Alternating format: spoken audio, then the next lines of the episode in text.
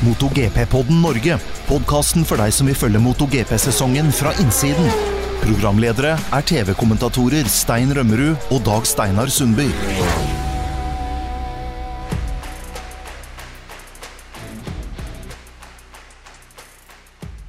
Hjertelig velkommen til en eh, ny episode i MotoGP-podden Norge. Og nå nærmer det seg virkelig sesongslutt, for vi er ferdig med alle VM-rundene unntatt én. Og det er fortsatt ikke avgjort, ikke verken i Moto 2 eller i MotoGP. Så her har vi masse å glede oss til foran den siste VM-runden. I denne episoden så har jeg som vanlig med meg Dag Steinar Sundby, men vi har også med oss eh, årets to nye kommentatorkollegaer eh, Thomas Sigvartsen og Karoline Olsen. Hei til alle tre. Hei, hei. Hei, hei. Vi hadde jo en uh, veldig intens uh, VM-runde i Malaysia. Vi hadde også en veldig intens VM-runde i Philip Island, og ting begynner virkelig virkelig å dra seg til. Men Karoline, uh, du var jo med og kommenterte Malaysia Grand Prix. Hva er det du husker best fra den VM-runden der? Vet du hva, fy fader for et race. Eh, og det jeg husker aller, aller best, er at både Fabio Quartararo og uh, Francesco Bagnaia virkelig ga alt og kjørte et race som er en verdensmester verdig. Etter en helg som uh, begge to hadde gjort uh, små feil underveis, så hevet begge to nivået helt vanvittig, og det var et utrolig kult løp å se på. Ja, det ble jo jevnt også. De kom i mål med 0,27 bak, eller mellom seg. Bagnaia og Bastianini og Quartararo blir jo faktisk nummer tre. Men uh, det var jo litt lenger bak, da. 2,7 sekunder fra Bagnaya ned til Quartararo. Um, Thomas, hva syns du om løpet, hvis du skal trekke fram en ting som du kommer til å huske Malaysia 2022 for? Det er litt som Karoline er inne på der, hvordan begge to heva seg i det løpet. Og Fabio som var litt lenger bak i starten, da, hvordan han spurta egentlig hele løpet der og så ut som han uh, kom til å uh, kanskje klare å ta inn uh, Bagnaya helt mot slutten der. Det, det blei en sånn nerve i løpet uh, hele veien der, så det var, var spennende. Men det, begge to viser at dem vil vinne, så det, det er moro. Dag Steinar, Du har vært en uke i Catalonia og hatt med deg baneentusiaster der nede. Rakk du å få med deg løpet? Ja, jeg gjorde det. Jeg sto bak i traileren og så racet på, eh, på telefonen på morgenen der, sånn, så det, ble, jeg måtte ha det med. Så det var jo eh, ja, det var utrolig spennende. Og det var jo den der, nettopp det trøkket som var hele tida, både fra eh, Bagnaya og ja, Bastianini selvfølgelig, men også Quartararo, at de kom seg så raskt opp da, og eh, dominerte løpet som de gjorde. Og den starten som de hadde. Jeg tenker Bagnaya, niende startposisjon. og bare, Det var jo en Ducati-start råere enn det vi har sett noensinne, nesten. og han, eh, Vi så det jo veldig tydelig på replayen også, at han hadde jo, han kom av gårde veldig bra uten 20-start fra niende startposisjon, tredje rekka.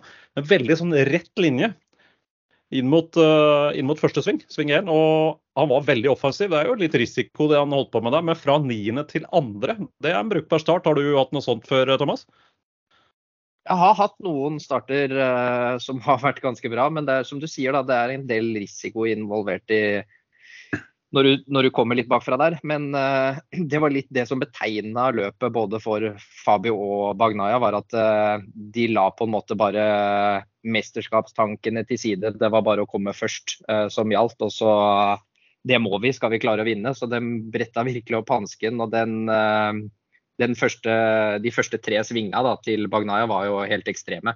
Så jeg hadde faktisk trodd han skulle bruke litt lengre tid på å komme seg opp der, men det, de var begge to ganske raskt av gårde. Ja, Vi snakka om det, Karoline, at eh, hvis de andre Ducati-førerne skulle hjelpe Bagnaya, så måtte de i så fall holde igjen litt på race pace i starten, sånn at han skulle ha en rask mulighet til å kjøre seg opp. Og så snakka vi også om at det ville jo også hjelpe Quartararo, men det ble jo ikke sånn. Nei, absolutt ikke. Og det var jo Hvis vi skal snakke om teamordre, da. eller fabrikantordre, som vi var litt redde for at det skulle være før starten av racet. Så var jo Jorge Martin satt jo av gårde i et vanvittig tempo. Han så ikke ut som ville vente på noen. Og Bastanini Altså, jeg er litt usikker på hva som skjedde i det løpet der. For han eh, han ga Bagnaya en skikkelig fight. Eh, noe jeg kanskje ikke hadde forventa på, eller absolutt ikke hadde forventa på forhånd, med tanke på at det er et mesterskap det står om. Han skal kjøre for Ducati til neste år, og han skal være teamkompis med Bagnaya til neste år. Så jeg syns, eh, jeg syns det ble Det var et eh, spennende race, mye pga. fighten Bagnaya eh, og Bastanini hadde seg imellom. Og, og, du blir hele tiden lurende på hva kommer til å skje nå. kommer det til å være en, en teamordre? Kommer det til å få noe oppi dashen eller på pitboardet, eller hva skjer, liksom? Ja, jeg har en følelse at Bagnaya ble litt overraska da Bastianini kom, for han ble jo sekundert. Han visste at Bastianini lå der. Um, men Bastianini gikk forbi, han var oppe i tet en liten stund. Og så kom Bagnaya tilbake igjen. Jeg fikk bare en sånn bestemt følelse at Bastianini ønska å vise fram Det var litt sånn statement over det hele også. Altså han, eh, han, viste flere ting. Han viste for det første til Ducati at jo da, jeg har hørt eh, hva dere har sagt. Vi skal ikke gjøre livet surt for Bagnaya, vi skal ikke ha noe risiko her. Men jeg er faktisk raskere. Det var det ene jeg på en måte følte at han sa med den manøveren der. Og det andre jeg følte at han sa, var han sa til Bagnaya det er greit, det. Du skal uh, nok ta tittelen i år, men uh, til neste år det er ikke noe selvfølge at du blir førstefører. Jeg kommer ikke til å være andrefører, i hvert fall. Ja, det var litt den følelsen jeg satt igjen med. Jeg vet ikke hva dere tenker, Dag Steinar? Da er det jo også mye mer i spill her. sånn. Bastianini kan jo også ta tredjeplassen. Det er jo store bonusbeløp det er snakk om. Både for teamet og plasseringen de gjør. Også for Bastianini for en han, Bastianini pusher det han kan. Han får jo rikelig mer og god bonus da hvis han blir nummer tre i mesterskapet. Blir nummer fire, så får han ikke noe. Det er jo sånn som manageren sa, sa også, det er greit, det. Men da må Ducati være villig til å betale noe av de bonusene eh, sånn også. For dette er jo også noe Ducati har lagt opp til, også i og med at Bastianini er ansatt av Ducati. Men uh, de også kjører for det beste independent team, og, uh, eller den plasseringa hans også, som også tilfaller noe til teamet, da, hvis han klarer det. Så det er, uh, det er, det er ikke helt rett fram her sånn, når det gjelder de tinga. Så ja, Carlo Parnot han sa i hvert fall klart ifra at det, det er greit, det, men da, da, må vi ha en diskusjon på, på bakrommet her. Hvem som skal mm. betale hva. Han har jo for så vidt hatt en og annen diskusjon på bakrommet før opp gjennom karrieren. karen her. Men uh, ja, Thomas, hva, hva, tenker du om det der? Eh, Bastianini, var det et statement, eller var det et, et ekte forsøk på å ta seieren? Jeg tror nok han, eh, han, er nok keen på å komme så høyt opp som mulig. Og som Dag Steinar er inne på, her, det er ganske stor forskjell å bli nummer tre eller fire sammenlagt. Og det er greit, begge to er italienere, men de er ikke noen kjempegode venner. Bagnaya er VR46-fører, det er ikke Bastianini. Dem, eh, er litt, det er litt å gjøre et statement som du er inne på nå før sesongen, for å vise litt styrkeforholdet der til neste år. Den dynamikken kommer nok til å bli ganske annerledes der eh, kommende sesong enn hva han er nå med, med Miller han sier jo selv at det var, liksom, det var umulig å komme forbi på slutten der, så det virker som han ikke at han lot være å prøve heller. Så um, han skal bare så høyt opp som mulig og, og bryr seg ikke noe om det Ducati har sagt med, med å holde seg bak. Gikk han for uh, seier, Karoline? Jeg syns han svarte litt unnvikende på det spørsmålet ved et par anledninger. Eh, altså typ sånn eh, Hvis du hadde hatt sjanse til å vinne på siste runden, hadde du tatt den? Eh, og der syns jeg han Han, han snakka selvfølgelig om tredjeplassen, og han snakka selvfølgelig om at det, det må være en fair forbikjøring hvis han skal ta Bagnaya. Men at der, han kjørte 100% sånn som vi kan se han kjøre, det, jeg tror ikke helt det. altså. Han ville ta Hadde han på en måte, når han kom forbi Bagnaya første gangen, da, hadde han kunnet eh, eh, opparbeide seg en liten luke, så tror jeg at da hadde han tatt seieren hvis han hadde kunnet. Men som han sa selv i pressekonferansen etterpå, så fikk han litt problemer. Han vet ikke helt hvorfor. Eh, og når Bagnaya da klarte å fighte tilbake og ta igjen den plassen, så er det liksom sånn her OK, da har vi prøvd, da gjør vi ikke det noe mer. Risken er for stor. Men eh, jeg tror kanskje han hadde litt mer å gå på. Det er den følelsen jeg sitter med. Det var litt sånn trykka stemning eh, inne i eh, pitboxen til Ducati også etter den eh, seieren. Og litt sånn tydelig anstrengt diskusjon da, mellom Tordozzi og, og Gresini-teamet der. Så jeg sitter vel også med en sånn type følelse. Men det var jo veldig mye spenning og morsomme momenter underveis her også. Som vi var inne på, så sto jo Jorge Martin fra Pramac Ducati i pole position. Han hadde jo tatt ny banerekord med god margin. Første fører under 1,58 på Malaysia-banen og klinker til. og Det viser jo egentlig også bare hvor mye raskere 2022 MotoGP-syklene er enn det de var i 2019. Men uh, en fantastisk tid, og han sto i pole og han leda jo første delen av løpet.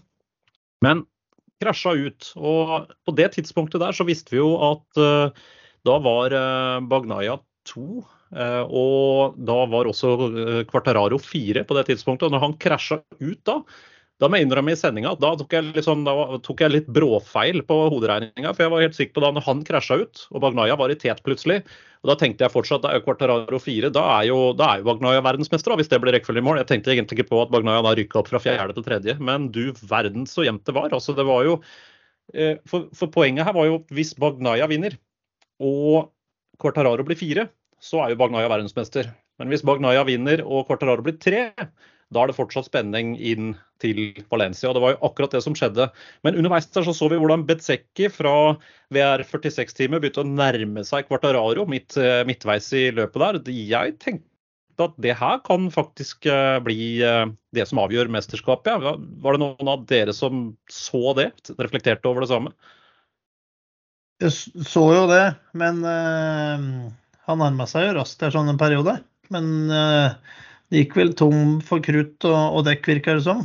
Det var litt det samme som skjedde med Quartararo i forhold til eh, da Bagnaya Bastianini også.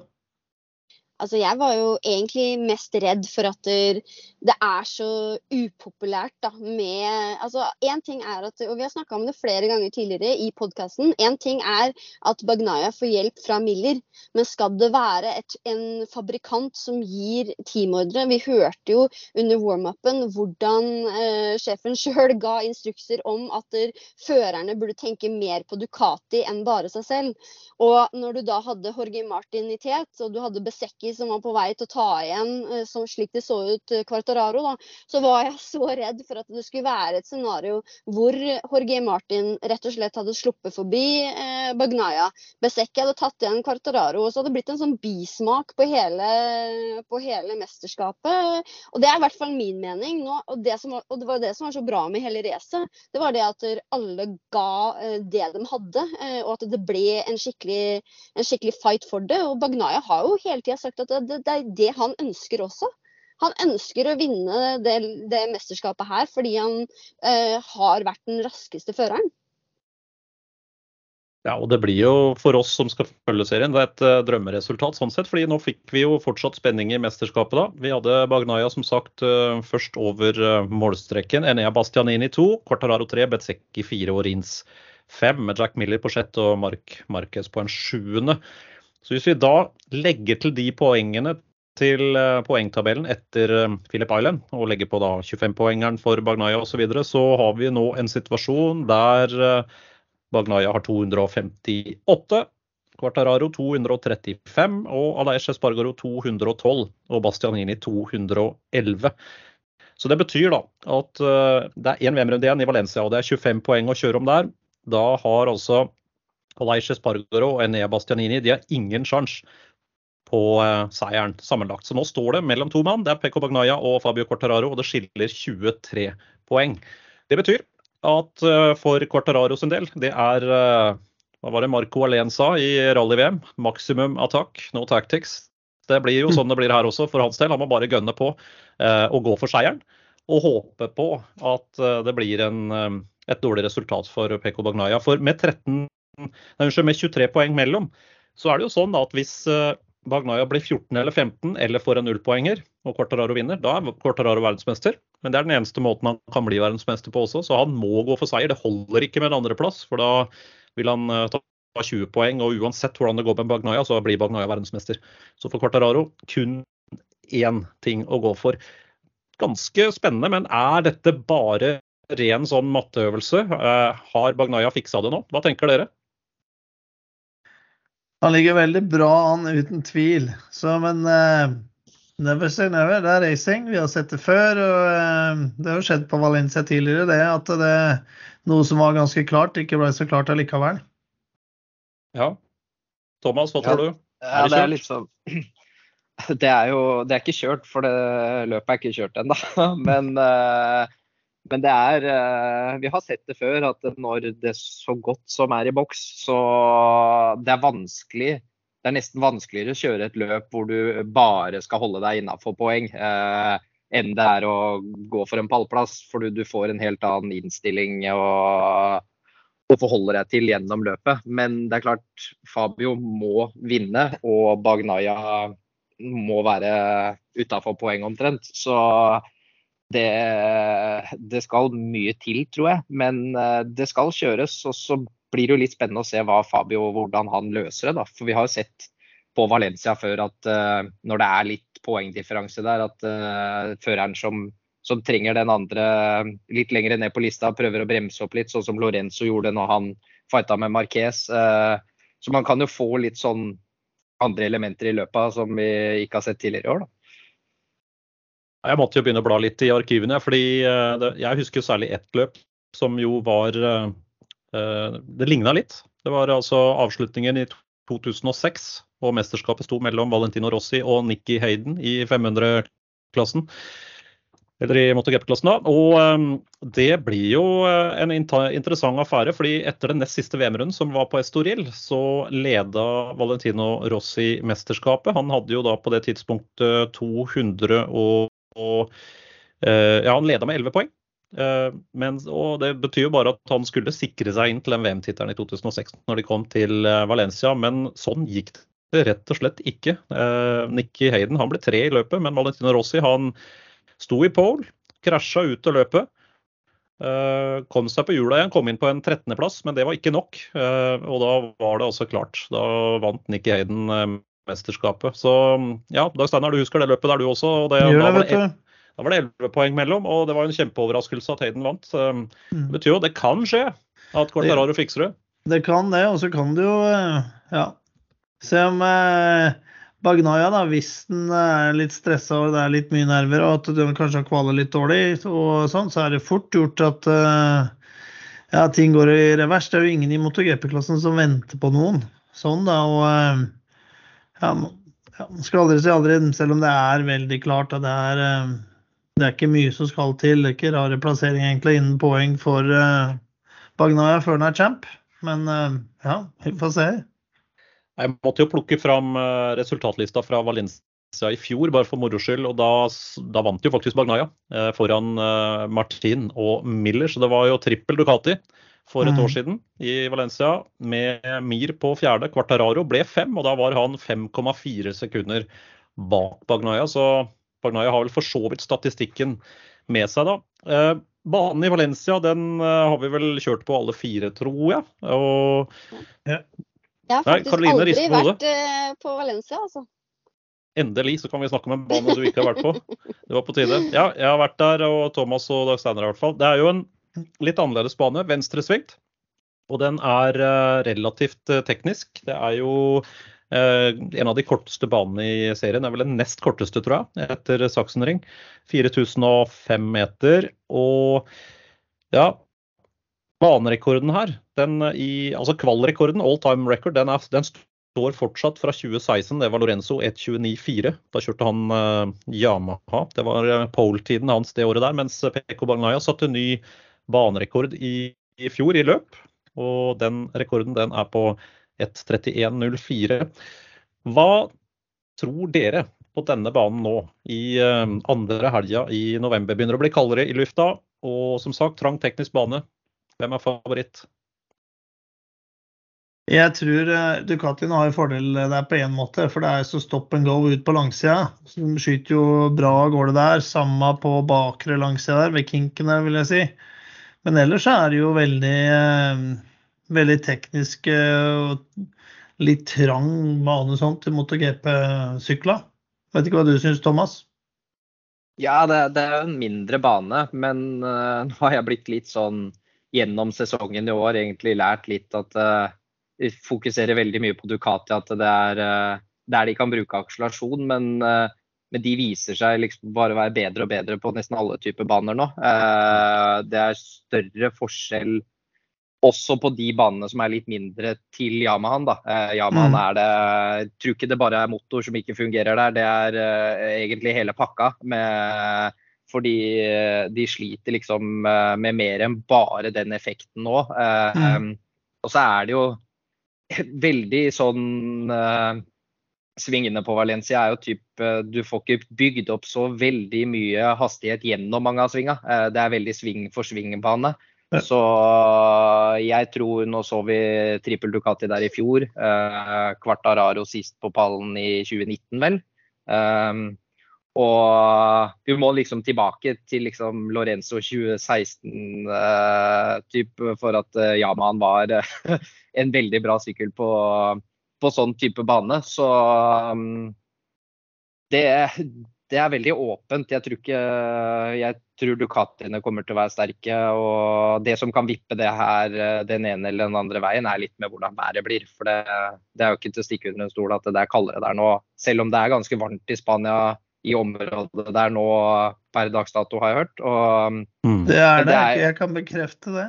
Ja, du kan jo det, men nå spurte jeg ikke deg. gni det inn, gni det inn. Så, men uh, det er jo ofte litt kaldere der om morgenen, og vi vet jo det med den uh, første høyresvingen er jo bra sleip. Uh, litt uh, tidlig på morgenen der, så det, der har mange førere gått. Det, det, er fort gjort at du går på et forhjulslepp der, da. Så det um, lager litt mer spenning. Det gjør det. Mm. Hvis vi ser på statistikken her, da, så er det jo Honda som har flest seire. De har ti seire. Yamaha har åtte, Ducati fire og Suzuki faktisk to.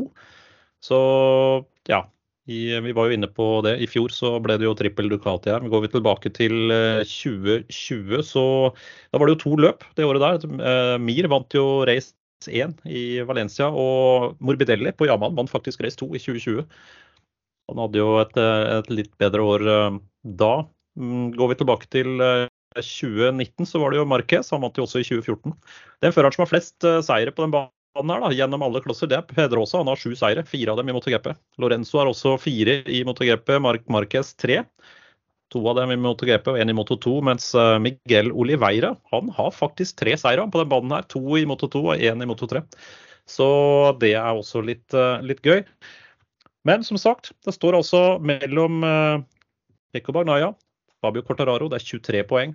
Og Cortararo må vinne Bagnaya må bli 14 eller dårligere for å um, gi seieren fra seg til, uh, til Quartararo.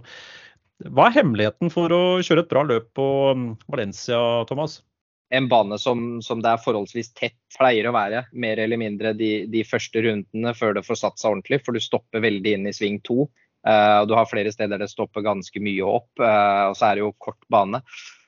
Men uh, sånn hemmelighet det er å holde seg unna tull, spesielt inn i T2, for der pleier ofte å bli, eh, bli bra samling. Eh, I hvert fall de første rundene. Og så er det en bane som, som er litt tricky med noen sånn halvsvinger, så det er litt, eh, hvis du ikke er konsentrert der, at du, du går på et forhjulsslipp. Og det har vi jo sett veldig mange har, har felt seg på før, da, når det har vært litt sånn tittelkamp på den banen. Så den den er perfekt i sesongavslutning og når det skal avgjøres. For det, du skal liksom være på hele veien der.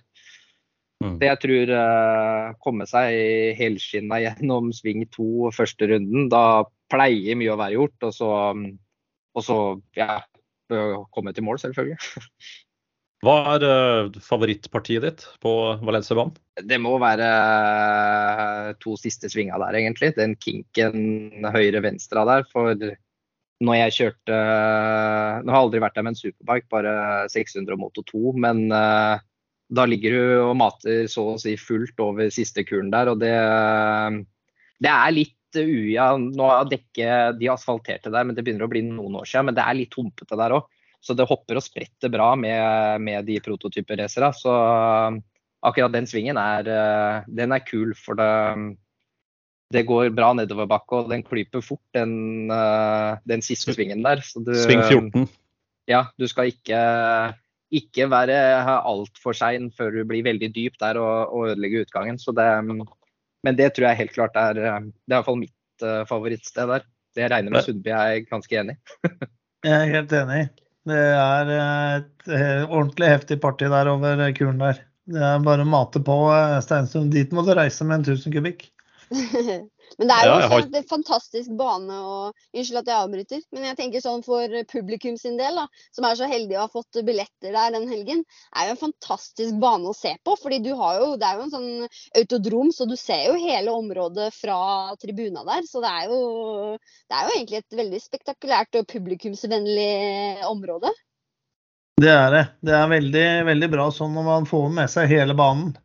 Så, eh, så det er veldig bra. Det har du helt rett i. Det er vel eneste banen på kalenderen du kan se hele, ja, så å si hele banen. da. Uh, og det er jo nesten så du kjører inne på en fotballstadion, for det er jo bygd tribuner rundt hele der. Så det, det er kult. Jeg tror, det- tror det er en bra uh, opplevelse for førere å være der når det er Det pleier å være bra med publikum òg, så det er god trøkk der. Ja, det blir spenning nå, for det er jo ikke avgjort i verken MotoGP eller eh, Moto2. Og så blir det jo alltid en vanvittig fest nede i Chester eh, på kvelden, da, på søndagen. Så hvis man aldri har sett en burnout før, så bør man ta seg en tur dit, for det får man se. Hvis man er skikkelig, skikkelig heldig. Så er det tester, og det er klassiske Valencia-tester denne gangen. Det, er det, jo, det har det ikke vært på et par år, men nå er det 2023-tester fra og med tirsdag. Og da er det jo å bytte skinndress og bytte sykkel og alt, og det syns jeg alltid er gøy. Særlig når vi får uh, førere som da kjører sykler de aldri har kjørt før. Det første reaksjonen der, det syns jeg alltid er utrolig gøy. Og de gangene det kommer opp nye MotoGP-førere som uh, får kjøre en MotoGP-sykkel for aller, aller første gang. For det, er, det, gjør man bare én gang i livet, og det er utrolig gøy å få de kommentarene der. For da skjønner man egentlig hvor rått dette her er. Men apropos det, det er ikke avgjort ennå i Moto 2. Og det syns jeg er litt spennende, fordi her er det to mann det står mellom. Augusto Fernandes og Ai Ogura. Og på meg så virka det nesten som at Ai Ogura ikke har lyst til å bli verdensmester i år. For han hadde jo pole position og alle muligheter til å få en skikkelig luke i tabellen i Malaysia. Men Karoline, hva i alle dager var det som skjedde der? Nei, altså jeg må jo ærlig innrømme at jeg, jeg ble helt sjokkert når vi satt i kommentatorboksen der. Det var vanskelig å fatte, for det er kanskje den groveste feilen du kan gjøre som fører eh, som slåss på et mesterskap, da, og krasje på siste runde. Eh, altså, fordi hadde han dratt derfra med en andreplass til og med, da, altså de hadde jo god luke ned til tredjeplassen. Hadde han dratt derfra med en andreplass, så hadde han jo fortsatt hatt en god luke ned til eh, Fernandes i mesterskapet. Så han mista jo Kom inn, kom inn trangt og prøvde seg på en forbikjøring og mista fronten. Så det er Ja, det er grov feil av Augura. Og det var på siste runde, til og med, for sikkerhets skyld. Ja. Så seieren i løpet gikk jo til Tony Arbolino, som feira relativt uhemma, kan vi si. Og ellers så var det jo Lopez på andre og Jake Dixon på tredje. Og det var litt røft der med, med Jake Dixon. Han var ganske røff med fjerdemann i løpet, Augusto Fernandes. Så det var ikke den høyeste stemningen mellom de to. Men som sagt da, Fernandes 251,5, Ayogura 242. Så det er 9,5 poeng som skiller de to. Så det ble en ekte eh, sesongfinale i Moto 2 også. Hvem vinner sammenlagt? Thomas Sigvardsen. Jeg tror Augusto tar den uh, sammenlagt. Uh, han uh, har kjørt mange runder på Valencia og kjørt mange gode løp der. så jeg tror, tror, det var bra for han at det ikke er mer poeng imellom. Ogura må jo Ja, jeg veit ikke hvor god stemning det har vært der. For hadde jeg vært han Hiroshi Ayama eller stått i hans sko, så tror jeg hadde vurdert å sparke den. For det er det, du får ikke gjort en større feil enn det han gjorde der. Det var helt, uh, helt krise. Så um, istedenfor å reise med 20 poeng uh, diff da, og kan ha en forholdsvis ålreit løpshelg, så, um, så satte han seg sjøl i en vanskelig posisjon. Så, um, men jeg tror Augusto kommer til å være veldig sharp på Valencia. Karoline, hva tror du? Ja, jeg må være enig med Thomas. Altså, jeg tror at det, det, blir hardt å komme tilbake fra den og liksom kunne resette seg helt mentalt da, for å kunne kjøre sitt livs beste løp eh, på Valencia eh, for Ayagura sin del, da, som er helt avhengig av å være mer eller mindre feilfri, og at det skjer et eller annet med Fernandes. Men det er eh, Ja, vi har jo sett egentlig alle Tre, toppen tre i MotoGP og toppen to i Moto2, som virkelig har uh, kjent litt på presset de siste to løpshelgene. Så jeg er liksom sånn på følelsen av at alt kan skje. Eh, samtidig som jeg, jeg håper og tror at førerne også lærer fra eh, historien tidligere da, av andre som har gjort feil. Bl.a. sånn eh, Nikki Hayden Rossi-scenario. Altså, Vinjarvis eh, snakker jo fortsatt om det, at det, er muligheter. Men det vet jo også Bagnaya. ikke sant? Litt samme er det jo her, og som Thomas sier, at det bare er 9,5 poeng som skiller, da, eh, gjør jo at Fernandes må være være på alerten hele helga. Han kan ikke liksom cruise inn til eh, hvilken som helst plassering. Så det blir spennende å se. Hva tror du da, Stein? Jeg hører jo hva Dag Steinar sier først, før jeg bestemmer meg. det er feil. Det er, ja. OK. Eh, jeg tror nok eh, Fernandes har en fordel nå på hjemmebane på Valencia. Og Gura, som sier, det var jo en blemme uten like, det, det han gjorde. Jeg trodde ikke han, men han var all in da for å vinne. Skulle ha de fem siste poenga. Det gikk jo ikke, som sagt. Men jeg tror eh, Fernandes nå har fordelen på, på hjemmebane i Valencia i forhold til Ogura. Men uh, ja, så kommer det nerver og press inn i bildet òg. Det er ikke alltid ting går som man forventer da. For moro skyld så tror jeg at Ayogura vinner løpet. og at og at eh, Augusto kommer på fjerde, og det er ni poeng for den uh, fjerdeplassen uh, i forskjell. Og da blir det 0,5 poeng som skiller de to når sesongen er over, og det er Augusto Fernandes som vinner. Så det blir ny rekord. Tidenes minste uh, seiersmargin. Ja, OK, det er fire sånn. stykker Det er fire stykker som tipper Augusto Fernandes i Moto 2 også. Men hva med MotoGP? Det spurte jeg aldri om. Er det noen av dere som tror at Quartararo klarer det? Det ristes frenetisk på hodet her. Altså, jeg og, jeg og Dag Steinar var vel egentlig de eneste som tippa Bagnaya på forrige podkast før denne helgen her.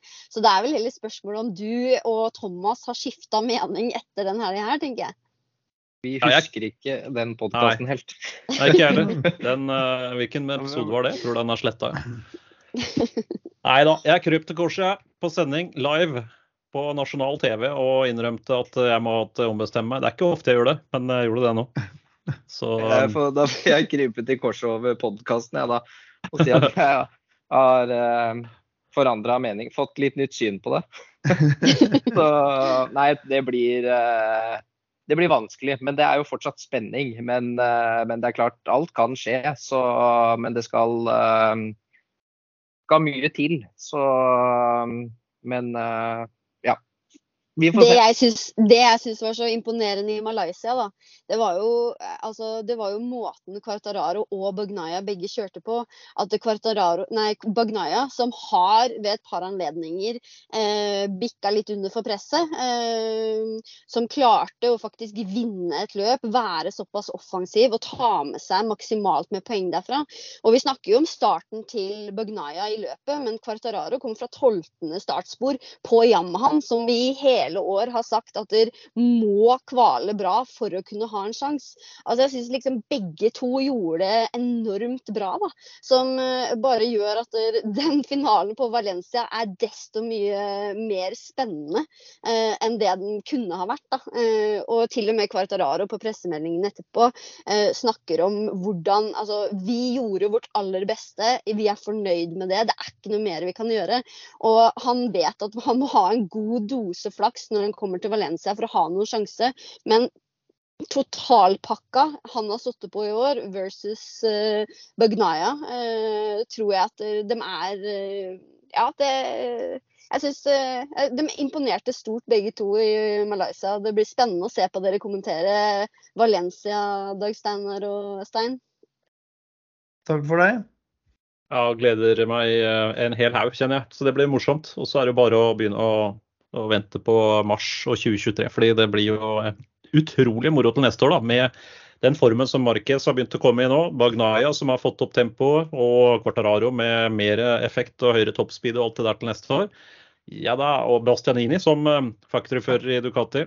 Uh, det, her, det, blir helt fantastisk moro. Så sporten blir bare bedre og bedre. Er dere klar for quiz? Oi, quiz, ja. Ja. Jeg er så dårlig på quiz. Nei da, denne her er ganske lett. Fordi vi har jo snakka masse om 2006, og vi sa jo at uh, Rossi mista tittelen da. Og, det ble uh, sammenlagtseier til Nikki Hayden. Men hvem vant løpet i Valencia i 2006? Opp med en hånd.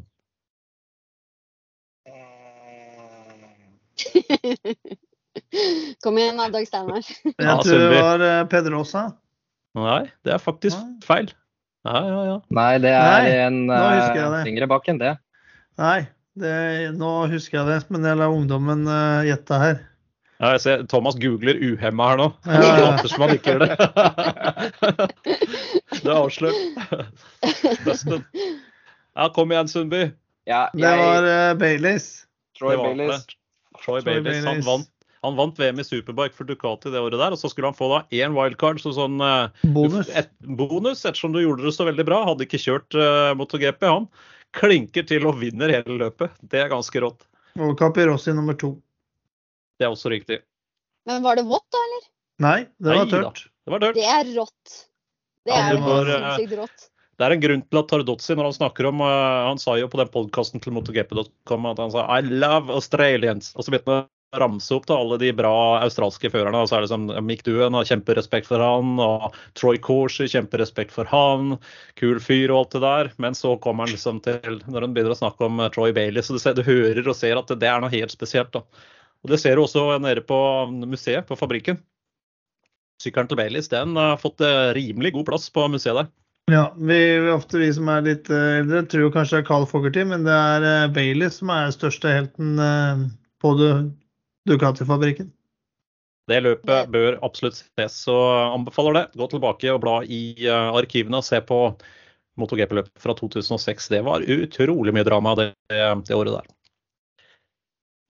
Det har vel vært uh, innom litt av hvert nå, egentlig? Ja, vi har jo tatt for oss de to, to av tre som er i eh, toppen da, i sammenlagten. Aleish hadde jo frem til Malaysia en sjanse til også å være med eh, om sammenlagtseier, men han hadde jo en katastrofehelg eh, fra fredag fritrening 1 til løpet på søndag. Eh, så han er jo i hvert fall verdt å nevne at han var jo med i kampen frem til denne helga her. Og nå er det jo, ja, som dere har nevnt, han og Bastianini som slåss om tredjeplassen i mesterskapet, da. Ja, ett poeng mellom de to. og Det er klart det betyr mye for Bastianini å klare den tredjeplassen også, så der blir det jo en fight. Det blir en tiendeplass på Aleish i eh, forrige VM-runde.